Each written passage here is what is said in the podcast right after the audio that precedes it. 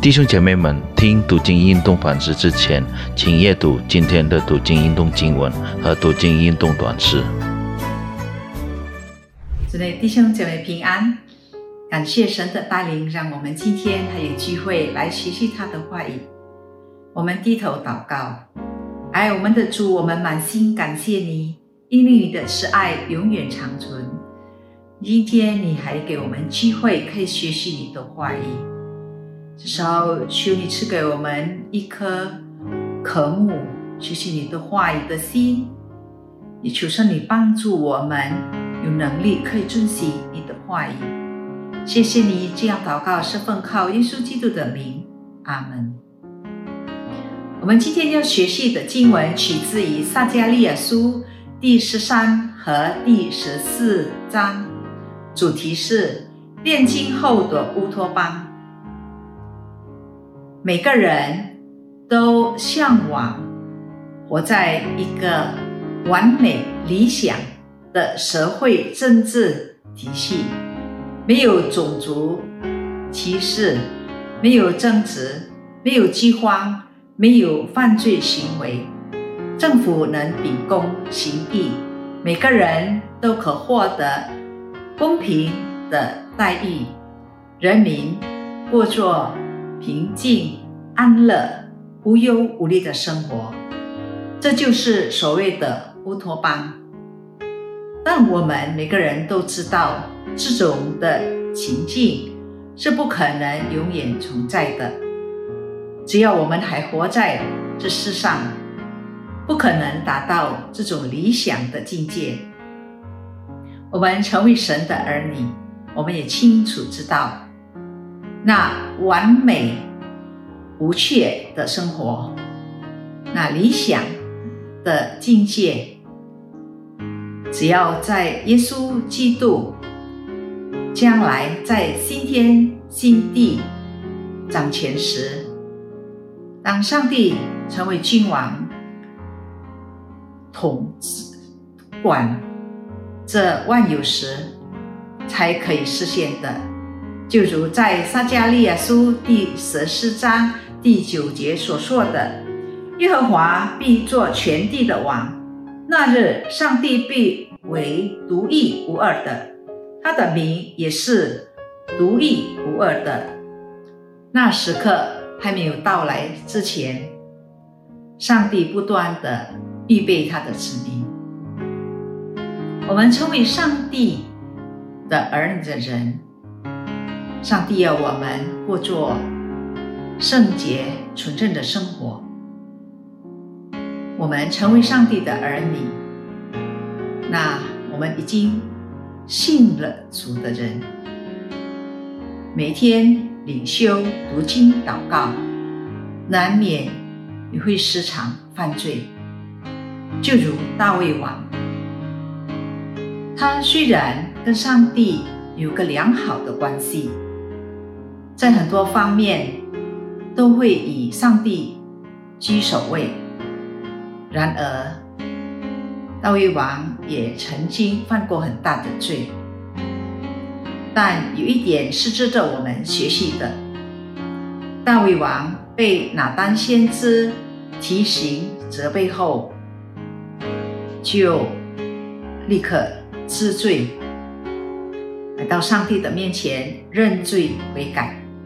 上帝也要我们每一个人也有如大卫的这颗心态。当我们有意无意犯罪时，上帝要我们及时知罪，别不理会圣灵的责备和提醒。我们有一谦卑的心来到上帝的面前认罪。祈求他怜悯饶恕，并我们要立志悔改，改过自新。同样的，当我们看到其他的信徒犯罪时，我们不判断他，我们要用爱心来劝告他，不在背后说他的坏话。或者不理会他，但却能，我们要用宽容的心来接受他，给他悔改的机会，因为我们每一个人都是罪人，都必须经历被上帝炼净的时刻。重要的是，我们是否有一颗愿意被上帝陶造的心，一颗倾向上帝的心，过着讨上帝喜悦的心。上帝也会透过。我们生命中所面临的苦难和挑战，来磨练我们，让我们更加的认识他的伟大和大能，学习依靠仰望他，使我们的信心更加增长，使得当上帝在。来的那天，我们那已经相信他的人，都可被称为上帝所取悦的儿女。我们都可以一同享有天国之乐。这里弟兄姐妹们，当您犯罪的时候，您是否有一颗愿意听从圣灵见解的心？立刻认罪悔改呢？当您看到软弱或者犯罪的弟兄姐妹们，您是如何的对待他们？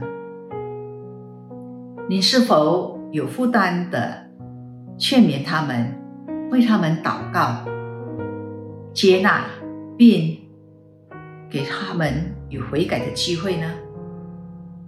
当面临生活，的苦难和挑战时，我们是否能毅然的信心不动摇，相信上帝会陪伴我们度过一切的难关，炼净我们，塑造我们，使我们的信心更成长、更成熟，可称为上帝可喜悦的子民。就如在撒加利亚书第十三章第九节所说的：“我要使这三分之一进我，熬炼他们如熬炼银子，试炼他们如试炼金子。他们必求告我的名，我必应允他们。我要说这是我的子民，他们也要说耶和华是我们的神。”我们低头祷告。天父，我们知道我们都是罪人。当我们犯罪的时候，求你赐给我们一颗愿意悔改的心，愿意愿你炼净的心，使我们都可被称为你所喜悦的儿女。谢谢你听我们的祷告，我们将祷告是奉靠耶稣基督的名，阿门。愿神赐福于我们。